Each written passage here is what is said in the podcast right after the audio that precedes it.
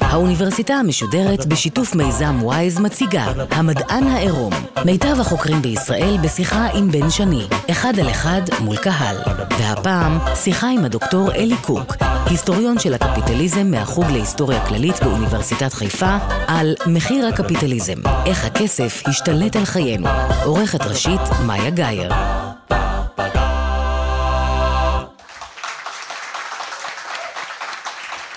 טוב לכם, ערב טוב לקהל שאיתנו כאן בבר ולמאזינים בגלי צה"ל, ערב טוב גם לאורח שלנו, הדוקטור אלי קוק. ערב טוב. אלי קוק, אני מזמין אותך להסתכל רגע על הקהל שהגיע לפה הערב. אני מסתכל. תסתכל טוב. כולם סיימו יום עבודה, כולם סך הכל נראים די מבסוטים, נכון? כן. עכשיו כן, בוא כן. נחשוב על מי שמאזין לנו ברדיו. אוקיי. דמיין אותו למשל נוסע במכונית בדרך מהעבודה, נכון? אוקיי. תגיד לי, אני מהמר שרובם לא מרגישים שהם חיים בתוך שיטה. אני נוטה להסכים איתך, למרות שאני חושב שיש רגעים שבו כולנו כן מרגישים את השיטה, ואנחנו מרגישים את זה מאוד מאוד חזק ביומיום. לפעמים זה אולי מרגיש לנו משהו שהוא רק לנו וייחודי, אבל בסופו של דבר, כשאנחנו יוצאים לבר ומדברים עם החבר'ה, דווקא אנחנו לאט לאט מגלים שאנחנו לא לבד, אז אני דווקא לא בטוח אם אני מסכים איתך. אבל השיטה שאנחנו הולכים לדבר עליה הערב, כן? השיטה היא קפיטליזם. דוקטור אלי קוק חוקר את הקפיטליזם. ועד שאני התכוננתי לרעיון הזה איתך, אני חייב להודות שאני עצמי האמנתי שזה סדר הדברים. זאת אומרת, בצורה כזו או אחרת, השיטה הזאת שאנחנו חיים אה, לאורה ועל פיה, הייתה כאן אה, משחר ההיסטוריה. עשית תואר בכלכלה?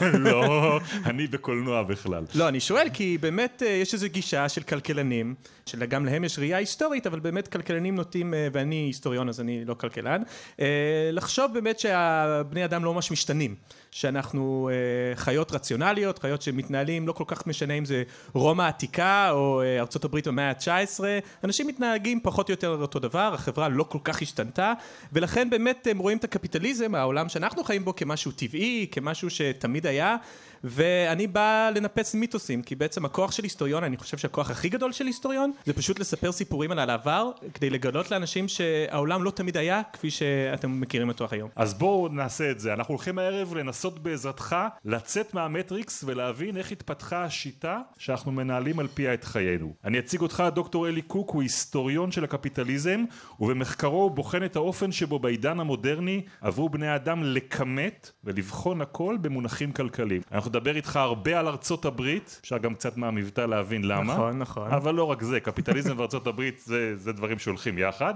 אבל אנחנו נדבר גם על סין, ואפילו על אמזון, על קניונים ועל תרבות הצריכה. אנחנו במדען העירום של האוניברסיטה המשודרת, זו סדרה בשיתוף עמותת וויז, שמפגישה את טובי החוקרים בישראל עם קהל חי בברים, והערב אנחנו במקום שנקרא טיילור מייד בתל אביב. אתה יודע משהו? בוא נתחיל בהגדרה, כן? שיעור ראשון, מבוא. תגדיר קפיטליזם? שאלה כבדה, התחלת. אוקיי. אז קודם כל, אה, יש הגדרות שונות, אבל בגדול, אני חושב שאנשים שמדברים על קפיטליזם, מדברים קודם כל על שיטה שבה השווקים משחקים במקום מאוד מאוד מרכזי בחיים שלנו. עכשיו, זה לא אומר שלא יש שווקים וכסף לאורך רוב ההיסטוריה. היה, אפשר לחזור עוד למסופוטמיה ולמצוא מטבעות והיו שם שווקים. ההבדל הגדול הוא דרך אחת לחשוב על זה שהחברות האלה היו חברות עם שווקים. השווקים היו בשוליים. פעם בשבוע אולי הלכת לשוק. גם השוק הרבה פעמים בעבר היה מקום ממש פיזי. ידעת מתי אתה נכנס לשוק. לעומת החיים שלנו היום, שאנחנו בעצם כמעט תמיד נמצאים בשוק. שוק העבודה, שזהו כמובן השוק הכי חשוב, ואני חושב שזה באמת השוק אה, שהכי אה, מייחד את הקפיטליזם, זה שאני בעצם אה, כל יום קם ומוכר את האנרגיות שלי, את הכוח שלי, את היכולות שלי, בשוק בתמורה לכסף, זה לא משהו שתמיד היה. אבל יש כמובן גם שוק הנדל"ן,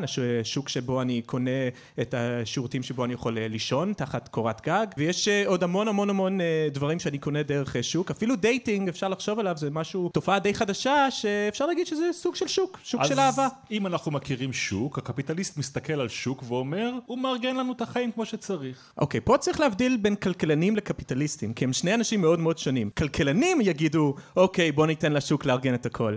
קפיטליסטים כל הזמן ינסו למצוא דרכים אה, לקמבן את השוק, אה, לשלוט על השוק, כי הם מחפשים רווח. כלומר, יש פה מתח מאוד גדול בין הראייה הכלכלית של כלכלנים, שבה הם בעצם, לא תמיד, אבל בעצם אה, שואפים הרבה פעמים לאיזשהו עולם באמת של אה, שווקים חופשיים, הם חושבים שזה הדבר שהכי טוב לאנושות, לעומת האנשים שאשכרה פועלים בשווקים האלה, שהם לא כאלה, אתה יודע, אכפתיים על החברה, הם מנסים לכבוש ולנצח. אז רק תגיד למי אתה קורא קפיטליסטים בסיפור הזה? אוקיי, אז קפיטליסט זה דמות מאוד מאוד ברור שבעצם מופיע על הבמה ההיסטורית די מאוחר, אפשר גם לקרוא לו בורגני.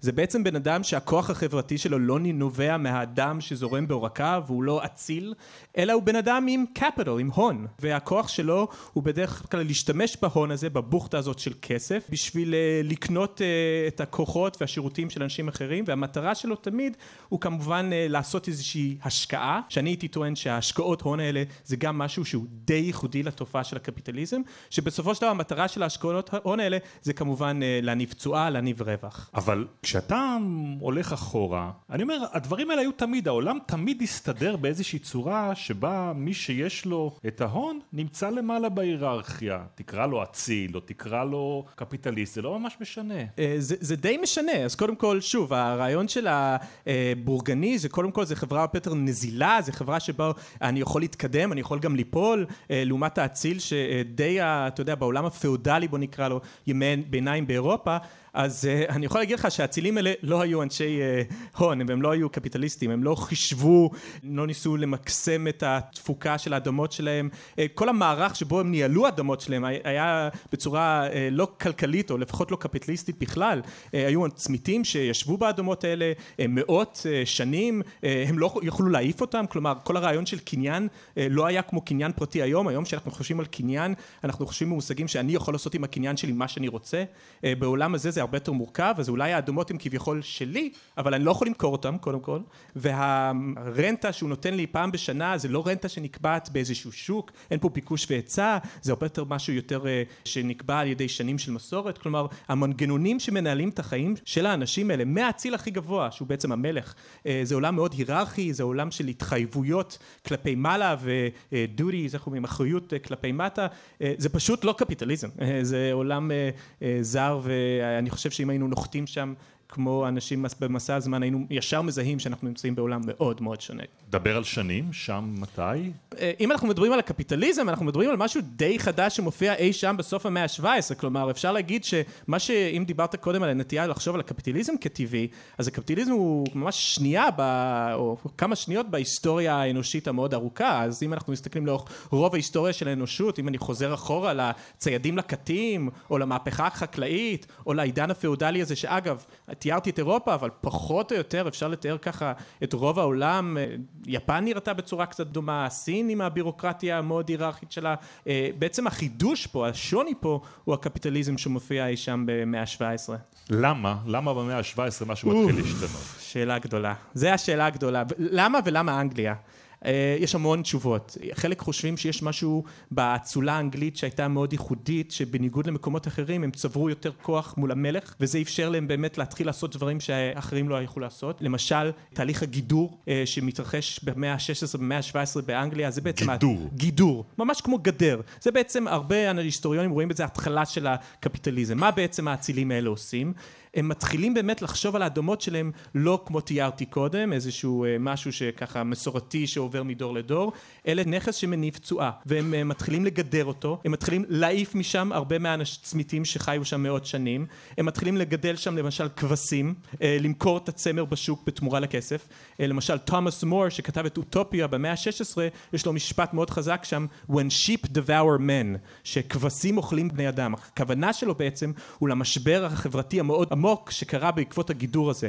אה, לפעמים אגב הם לא אה, מגדלים צמר, לפעמים מה שהם עושים זה פשוט אה, יוצרים את הגדר הזה ועכשיו מביאים איזה מישהו אולי אפילו נקרא לו בורגני שינהל עכשיו את החווה הזאת כעסק. אתה עדיין מדבר על חקלאות, אני, זה עוד ימי טרום המהפכה המהפכה הקפיטליסטית התחילה בחקלאות. עכשיו, לא כולם חושבים ככה, יש כאלה שחושבים שזה רק המהפכה התעשייתית במאה ה-19, שעוד נגיע אליו, אבל היסטוריונים כמוני, היסטוריונים uh, של הקפיטליזם, די תמימי דעים, שכבר במאה ה-17 ובמאה ה-18 אנחנו רואים את זה, ואנחנו רואים את זה דווקא בחקלאות. שמע, זה חייב להתחיל בחקלאות, העולם היה כמעט כולו חקלאי, uh, אה, 90% מהאנשים חיים uh, כחקלאים בתקופה הזו, אז רק לסיים את הקטע של הגידור, בעצם אותם אנשים שאהבת בתור צמיתים, עכשיו אתה מחזיר אותם, בתור עובדים כמו שכר, כמו שרובכם עובדים uh, בשכר. ועכשיו כבר יש לך את כל הסממנים של חברה חברה קפיטליסטית. כי עכשיו, האנשים האלה שעובדים בשדות האלה, הם עושים את זה בתמורה לשכר, שכר יומי, הם מתחרים עם עובדים אחרים בשביל השכר שלהם, הם אחרי זה צריכים לקחת את הכסף הזה שמרוויחים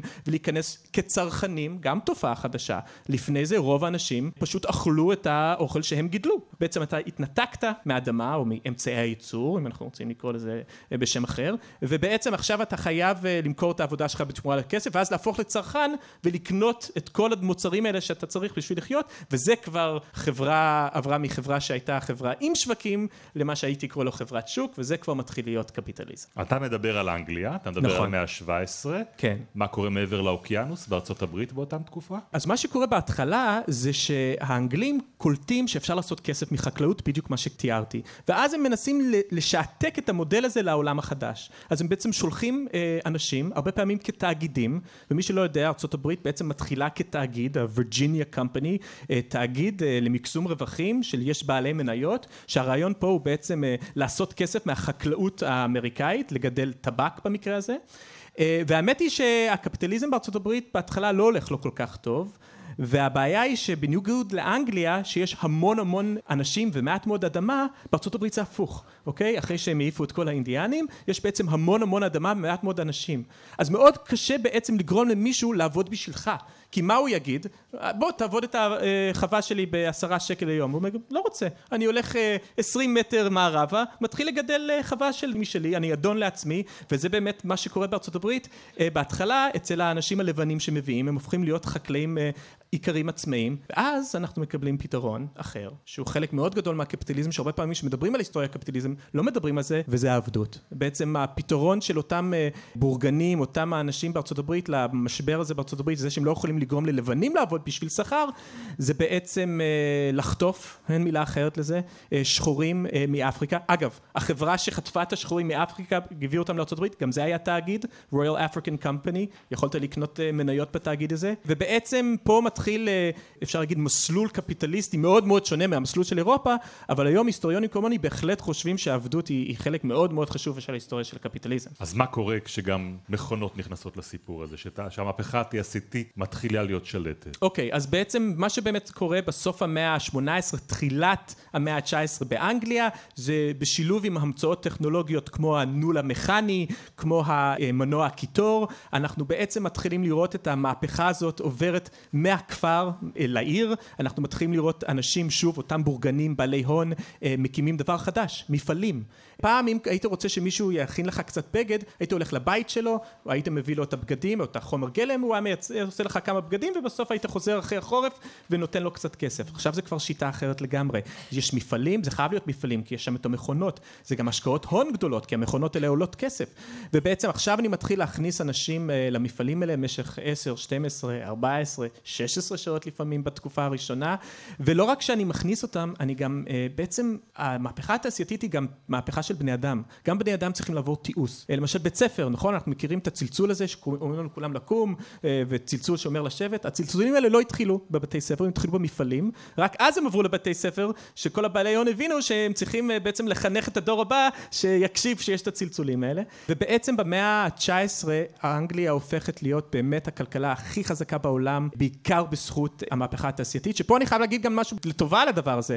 התפוקה הכמות החומר, הדברים החומרים שהמכונות האלה יכולות לייצר הוא אדיר. אם אנחנו מסתכלים על ההיסטוריה של למשל תוצר לאומי גולמי, אותו GDP שכל הזמן שומעים עליו החדשות, לאורך רוב ההיסטוריה זה פשוט קו ישר. ואז פתאום בסוף המאה ה-18, מהפכה התעשייתית באנגליה, ווש, אתה פשוט רואה קו עולה ועולה ועולה, ובהתחלה זה לא הולך מחלחל לכל העובדים המסכנים האלה, אבל בסוף המאה ה-19 זה גם קורה, ופה אני רק רוצה להגיד דבר אחד, גם המהפכה התעשייתית היא מאוד קשורה לעבדות, כי המהפכה התעשייתית בעצם מתחילה עם מפעלי טקסטיל, בעצם הדבר, המוצר הראשון, ה-mass שיש באנגליה זה כותנה, ומי מגדל את הכותנה הזו? איך אנחנו מקבלים, מקבלים את כל הכמויות האדירות של כותנה הזאת בזיל הזול? זה רק בגלל העבדים השחורים בדרום בארצות הברית. דוקטור אלי קוק, אני רוצה רגע לעצור את הרצף הזה של הסיפור שאתה מספר. כן. ולהגיד לך, תראה, יש פה נרטיב מאוד סדור, ויש פה רצף שבו דבר מוביל לדבר, ולכאורה אתה מצדיק למעשה את הטענה שאומרת שהשיטה הזאת גם היא טבעית לגמרי. קודם כל, זה ממש לא היה צריך להיגמר ככה. כל צעד בעולם הזה היה מלא במאבקים חברתיים עמוקים. לא קל לגרום לאנשים להיכנס למפעלים, לא קל לגרום לאנשים פתאום אה, לעבוד בתמורה לשכר. אה, גם אם בסופו של דבר, בסוף המאה ה-19, מאה שנה אחרי שהמהלכים האלה, אה, זה, אפשר להגיד שחומרני, ולא בהכרח במושגים אחרים, ברמה החומרנית המצב של אנשים השתפר, עדיין המשבר היה מאוד עמוק, היו המון המאבקים, גם באנגליה, גם בארצות הברית. ארצות הברית היא דוגמה מצוינת לזה, ארצות הברית היא בעצם מדינה שקמה כמדינה שהתנגדה הרבה פעמים לתהליכים האלה, הם לא רצו להביא את המפעלים האלה. אה, היה המאבקים הכי גדולים בתחילת המאה ה-19 בארצות הברית הם בעצם בין אה, אלכסנדר המילטון לתומאס ג'פרסון. אה, המילטון רוצה להביא את התיעוש. ספר לנו קצת על הדמות הזאת, כי היא תחזור בהמשך. אה, אז המילטון הוא היום כוכב בגלל שיש הצגת ברודווי עליו. ש-850 דולר עולה כרטיס אליה. וגם אז לך תסיק. כן. אה, אבל המילטון עצמו הוא דמות מדהימה, הוא ללא ספק האב של הקפיטליזם המודרני בארצות הברית, אני כותב עליו הרבה בספר. המילטון אגב הוא לא אמריקאי, הוא נולד באיים הקריביים, הוא בעצם אפשר להגיד נולד באי שהוא השקעת הון אחת גדולה בעצמו, ואפשר להבין למה הוא רואה את העולם ממש ככל לפי תשואה ורווח, ו... אה, אבל אה, בארצות הברית למשל, אה, הוא נורא נורא רוצה לשכנע את שאר האמריקאים להביא את התעשייה, והוא כותב דוח מאוד מפורסם ב-1791, לשכנע אותם, והוא נורא רוצה שיהיה נספח סטטיסטי לדוח הזה, אז הוא שולח מכתבים לכל מיני איכרים בארצות הברית וכל מיני אנשים, שבעצם שואל אותם מה התפוקה הכלכלית השנתית שלהם, מה התשואה שלכם, כמה אתם מייצרים בכסף בשנה, ולמזלי בספר יש לי את המכתבים שהחזירו להמילטון, וכולם כזה, מה אתה רוצה מאיתנו? אין לנו מושג. והמילטון הוא מאוד לא פופולרי, המילטון בעצם מפסיד, אפשר להגיד, את המאבק הזה לתיעוש ארצות הברית, ארצות הברית נשארת עד אמצע המאה ה-19, שוב, יש את העבדות בדרום, אבל uh, כחברה שלא כל כך הייתי מגדיר אותה חברה קפיטליסטית, חברה שרוב האנשים הם uh, בעלי הקרקעות שהם עצמם uh, מגדלים, כלומר, uh, זה חברה אחרת, זה חברה עם שווקים, אבל אני לא חושב שזו חברה קפיטליסטית. אבל עוד הגדרה שהולכת יחד עם ארצות הברית, זו דמוקרטיה, ולכאורה כן. קפיטליזם ודמוקרטיה שלובים יד ביד. האומנם? זו אחת השאלות הגדולות. אין ספק שהיה תקופה מאוד ארוכה, במיוחד בזמן המלחמה הקרה, כולם ידעו, דמוקרטיה מביא לקפיטליזם, אוטוקרטיה מביא לקומוניזם. אה, היום אנחנו כבר לא כל כך בטוחים שזה נכון. אז קודם כל, אם נתחיל למשל על אנגליה במאה ה-17, מאה ה-18, אפילו מאה ה-19, קשה מאוד לקרוא לאנגליה אה, דמוקרטיה. אה, מי שלא יודע, אנגליה בעצם עוברת לחברה שבה כל אחד, גבר לבן כמובן בהתחלה, יש לו את זכות הצבעה, שזה הבסיס של אה, דמוקרטיה, נראה לי. אה, זה קורה רק בעצם אחרי מלחמת העולם הראשונה, בסוף אה, תחילת המאה ה-20, כלומר, לאורך רוב התקופה הזאת אנגליה היא אוליגרכיה. ופה אני רוצה כן לזרוק רק מילה אחת על סין היום, שהיא אולי ההוכחה הכי ניצחת לזה, שהקשר שחשבנו בין דמוקרטיה לקפיטליזם הוא דווקא אולי לא הקשר החזק שפה פעם חשבו. סין כמובן מדינה עם מפלגה אחת, אוטוקרטית לחלוטין, והיא קפיטליזם במיטבו. אפילו המוביליות החברתית היום בסין עקפה את ארצות הברית. הסיכוי שלך לילד סיני היום מלעבור מעני לישיר הוא יותר גבוה מאשר בארצות הברית. החלום האמריקאי בעצם הפך להיות חלום סיני, אה, ובעיניי זה לא במקרה נובע מהאוטוקרטיה הזאת. דווקא לפעמים הקפיטליסט רוצה שמישהו יבוא, מישהו עם זרוע חזק, יעשה סדר, ולא תמיד אפשר לעשות את זה בדמוקרטיה. בדמוקרטיה פתאום יש את המועצה שמציקה וצריך להצביע. כלומר, דמוקרטיה הרבה פעמים, כך לפחות הקפיטליזם רואה את זה, הוא מכשול. הוא מכשול למטרות של הייעול והתפוקה והצמיחה וכולי. מצד שני, הוא מאמין שיש מושג כזה שנקרא יד נעלמה. הוא מאמין בבחירה חופשית בשוק, שגם זה אפשר לטעון, אבל מילטון פרידמן, שהוא מדבר על free to choose, החופש לבחור, הוא מדבר על החופש לבחור נעליים בטוגו, או אתה יודע, סנדוויץ' בקופיקס, הוא לא כל כך מדבר על אה, בחירות או דמוקרטיה, ההפך, אנשים כמו מילטון פרידמן, ליברטריאנים שמאמינים בשוק חופשי, הם די אנטי דמוקרטיים, הם די מאמינים שרוב החברה צריכה להתנהל uh, לא לפי uh, המדינה הדמוקרטית, אלא לפי השוק, ופה אני חייב להגיד שהשוק, הרעיון הזה של חופש לבחור, תחשוב על זה כבחירה חופשית, רק לך אולי יש שני קולות, ולתשובה יש מיליארד קולות, כי יש לה הרבה יותר כסף.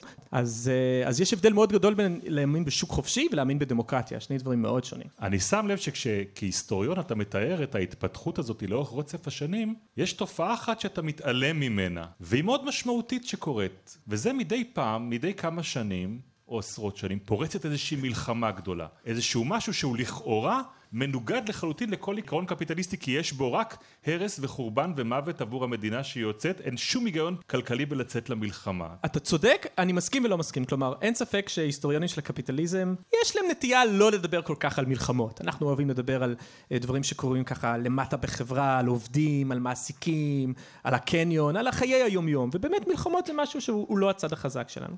עם זאת אני אגיד שני דברים בהקשר הזה, אחד, הרבה מהמלחמות כן נבעו מסיבות קפיטליסטיות, אה, מלחמת העולם הראשונה היא מלחמה שהרבה מאוד היסטוריונים מאמינים שזו מלחמה על האימפריאליזם, בעצם מלחמה על אה, קולוניות וכיבוש של אה, קולוניות, שזה מאוד מאוד קשור אה, לאיזושהי תחרות קפיטליסטית בין מדינות. וכמובן מלחמת העולם השנייה היא בעצם מלחמה ועלייתו של הנאצים והפשיזם, זה משהו שיוצא כתוצאה מהמשבר השפל הגדול, המשבר הכלכלי הגדול של שנות ה-30, שזה כמובן משבר שהוא תוצאה לחלוטין של הקפיטליזם, כלומר הקפיטליזם יודע לייצר עושר אדיר, יותר מכל חברה בהיסטוריה, אבל היא גם יודעת פתאום ברגע אחד אה, לקחת לך את זה, אבטלה פתאום עולה, וזה יוצר אה, אצל אנשים אה, משבר חברתי מאוד עמוק שמביא אותם לפעמים לדברים כמו הנאציזם, אז, אז, אז קפיטליזם שיחק תפקיד מאוד חשוב במלחמות האלה, ורק אני אגיד עוד דבר אחרון בהקשר של מלחמות, זה שבשנים האחרונות אנחנו מקבלים משהו, אני לא יודע אם לשמוח על זה או להיות עצוב על זה, נראה לי זה נושא די עגום, אבל תומאס פיקדי שהוא ככה כוכב היום בעולם הכלכלי, הוא בעצם מראה שבסופו של דבר הנטייה של קפיטליזם הוא לאי שוויון הולך לגובר,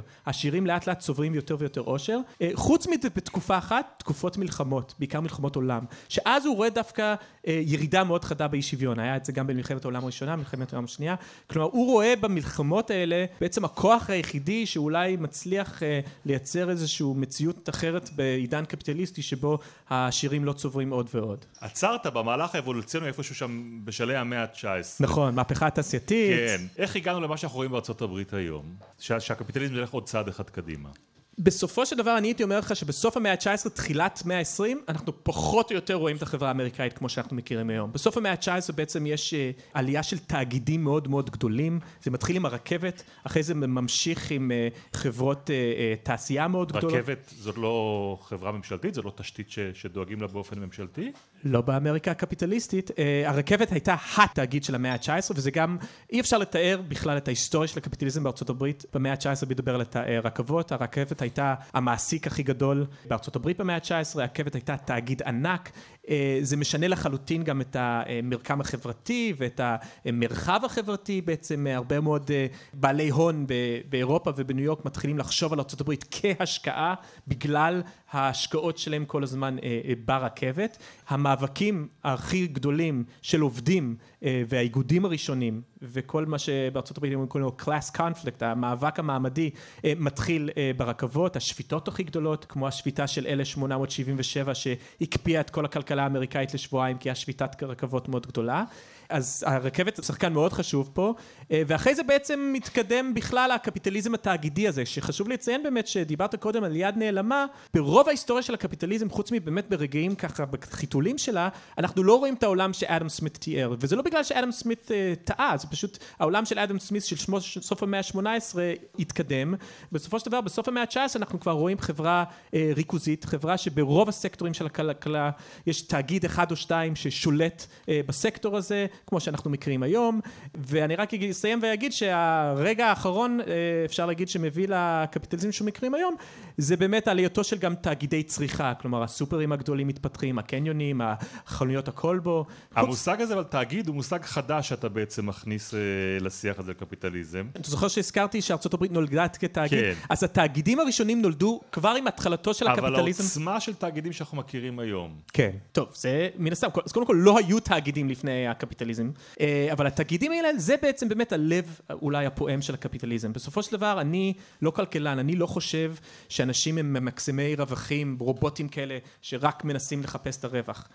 אבל תאגיד הם כן כאלה פחות או יותר, אה, ובעולם שלנו הרבה פעמים תאגידים מקבלים גם את המעמד החוקתי של בני אדם, אה, בני אדם מאוד מאוד חזקים שלא מתים אף פעם, אבל בני אדם, ולכן באמת אי אפשר לדבר על העולם של היום אה, ועל הקפיטליזם של היום, בלי לדבר על תאגידים שכמובן, אתה יודע, היום זה גוגל ואמזון, לפני אה, מאה שנה זה היה סטנדרד אויל והפנסילבניה ריילרוד. אני לא יודע אם שמת לב, אנחנו מדברים כבר יותר מחצי שעה על? קפיטליזם, אוקיי. ולא הזכרת את המילה בנק.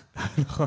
אופס. איך זה יכול להיות? אז קודם כל עוד סוג של תאגיד, אה, בנקים הם בהחלט תאגידים, כלומר אה, אם רצית להתחיל בנק, קודם כל היית צריך הון, בדרך כלל ההון הגיע בזה שהיית אה, מוכר מניות, ואין ספק שבנק הוא חלק מאוד מאוד חשוב מהקפיטליזם המודרני, המהפכה הפיננסית התרחשה אי שם גם במאה ה-17, מאה ה-18 באנגליה, שבעצם אפשר להגיד שהכסף בכלל עבר מהפכה, כסף זה משהו שיש לאורך כל ההיסטוריה, אבל לאורך רוב ההיסטוריה הכסף זה היה משהו שנשלט על ידי הריבון, על ידי המלך, בגלל זה הפרצוף שלו נמצא על המטבעות. הוא בעצם קבע את כמות הכסף שיש בתוך חברה, בזה שהוא החליט לייצר מטבעות. בנק זה כבר משהו אחר לגמרי. בנק זה בעצם העולם שאנחנו מכירים היום, מי שמייצר את הכסף, מי שאחראי על כמות הכסף ודברים כאלה, זה חברות פרטיות, זה בנקים שמנסים למקסם רווחים, ובעצם המנגנון שהם משתמשים בו זה מנגנונים אה, שיקולים אחרים, אבל אין ספק שהשיקול המרכזי פה הוא אשראי, הלוואות. הבערך שבו בנק אה, מזריק כסף לתוך חברה אה, זה דרך מתן אשראי לאנשים שאחרי זה יכולים לקנות בית או להקים עסק. ופה אני רק רוצה להוסיף עוד משפט אחד. אה, אשראי זה אומר גם חובות וחלק מאוד מאוד גדול מהקפיטליזם זה גם חוב. חוב הרבה פעמים הוא המנוע אפשר להגיד שהופך את כולנו לקפיטליסטים. אני אולי לא כל כך בא לי לקום בבוקר אה, כל יום ללכת לעבודה אבל יש לי משכנתה אז אין לי ברירה. אני חייב בעצם להמשיך לעבוד. אז כן בנקים זה מאוד חשובים. אגב הזכרתי את המילטון גם הקים את הבנקים הראשונים של ארה"ב הקים את וול סטריט הקים את הבנק המרכזי הראשון בארצות הברית. אז אנחנו מדברים הרבה על הברית, ודיברנו קצת על אנגליה. מה עם ישראל? מתי ישראל מחליטה שהיא מדינה קפיטליסטית? אני לא היסטוריון של ישראל, אז אני מרגיש פחות נוח. אני אגיד בגדול, שאני מסתכל קצת על אה, גרפים של ישראל, אני רואה שבשנות ה-80, 80 אה, אחוז ישראלים היו מאוגדים אה, בהסתדרות, או כלומר היה איזשהו מנגנון אחר לניהול החברה, שאני לא חושב שאפשר לקרוא לה חברה קפיטליסטית. אגב, אני לא יודע בדיוק אם אפשר לקרוא לה חברה סוציאליסטית, ישראל הייתה מעין משהו מאוד מאוד מיוחד בהיסטוריה, אבל אין ספק שאני חושב שההוצאה הציבורית האדירה, בין אם זה הצבא, בין אם זה החברות המולמות שהיו פה, קשה לי לדבר באמת על אה, חברה קפיטליסטית עד שנות ה-80 אני חושב, זה התחלה אה, ואז ביתר שאת בשנות ה-90 ושנות ה-2000. אני אעשה משהו שאולי אין טעם לעשות אותו עם היסטוריון, אבל תסתכל קדימה. אוקיי. תיארת פה איך דברים התפתחו והביאו אותנו למצב שאנחנו נמצאים עכשיו, אבל אם אתה מנסה לחשוב 20-30 שנה לעתיד, השיטה תישאר דומיננטית כמו שאנחנו מכירים אותה היום? 20-30 שנה אני, אני חותם על כן. בטווח היותר ארוך זה מתחיל להיות מעניין, יש כמה תהליכים מעניינים כיום בעולם שעלולים אה, לערער על הקפיטליזם. הראשון זה ההתחממות הגלובלית. קפיטליזם בעצם מתקשה מאוד לפתור את הבעיה הזאת. למה? תשמע, אה, בדיוק היום קראתי מאמר מאוד מדכא שלא מפסיקים להשתמש בפחם. והניו יורק טיימס כתב כתבה למה לא עושים את זה? הוא מתחיל להסתכל איפה הבנקים מושקעים בכל מיני מדינות בחברות הפחם. אה, איפה אנשים עובדים והנשיא פוחד או המנהיג המדיני פוחד אה, לשנות את זה כי יהיה אבטלה גדולה. איפה הרבה אנשים עובדים במכרות פחם. איפה אני יכול לתת לאנשים חשמל הכי הכי זול. דברים האלה, כלומר אבל ברגע... איך אתה רואה את ההתחממות כמשהו שמשנה את השיטה בסופו של דבר? אה, כי הרבה מאיתנו נמות ויהיה קריסה טוטאלית של כל המערכות וגם יש הערכות ש... לא כולנו נמות, רק, ה... רק העשירים כן. ישרדו, אבל, אבל אין ספק. זה עדיין מנציח את השיטה. אוקיי, עכשיו אתה ממש מדכא אותי, אבל לא, בגדול אני חושב ש...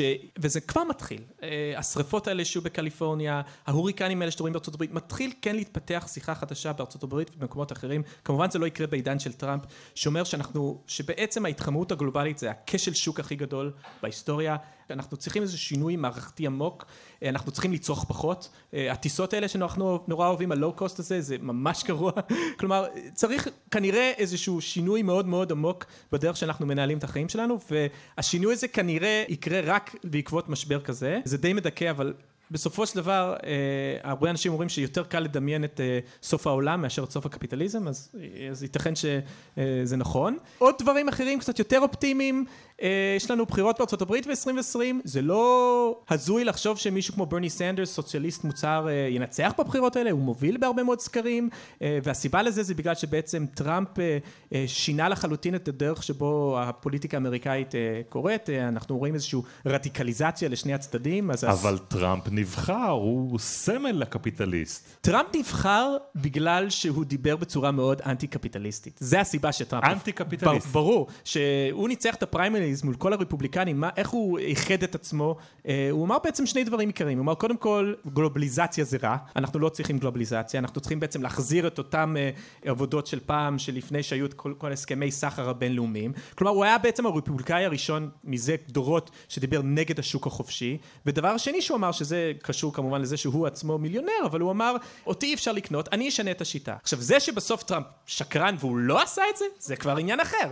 אבל המועמד טראמפ ניצח הרבה בגלל הנרטיב הזה, ולכן אפילו האנשים, בוא נגיד, הכי ציניקנים, אתה יודע, יש כל מיני סקרים שמראים שהסוציאליזם היום, המילה הזאת יותר פופולרית בקרב צעירים מקפיטליזם, חלק מזה זה קצת בלוף, צעירים לא בדיוק יודעים מה זה סוציאליזם, אבל חלק מזה מדבר על איזשהו הרגשת משבר מאוד קשה, במיוחד בקרב המילניאלס, הצעירים, שהשיטה נגדם, השיטה לא פועלת עבורם, המשחק מכור, בארה"ב זה קשור גם לחובות של סטודנטים, למחירי נדל"ן, זה אנחנו מכירים פה, אז אם אני מנסה לדמיין את הסוף של הקפיטליזם, אז זה ככה הדרכים אולי שאפשר לחשוב על מציאות אחרת. דוקטור אלי קוק, אל תלך לשום מקום, אנחנו נפרדים עכשיו מהמאזינים שלנו בגלי צה"ל, הם ישובו אלינו לשמוע אותך בשבוע הבא, בחלק השני של המפגש איתך, הבר נשאר כאן, האנשים נשארים כאן, אנחנו נפרדים מהם, אני בן שני, עד הפעם הבאה, לילה טוב.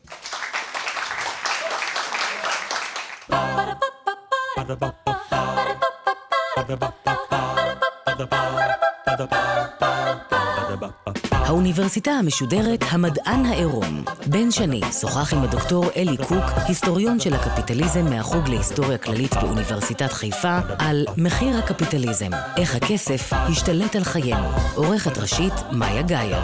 עורך ומפיק, נחום וולברג. ביצוע טכני, בני יהודאי ומיכאל לבו. האוניברסיטה המשודרת, בכל זמן שתרצו, באתר וביישומון גלי צה"ל ובדף הפייסבוק של האוניברסיטה המשודרת.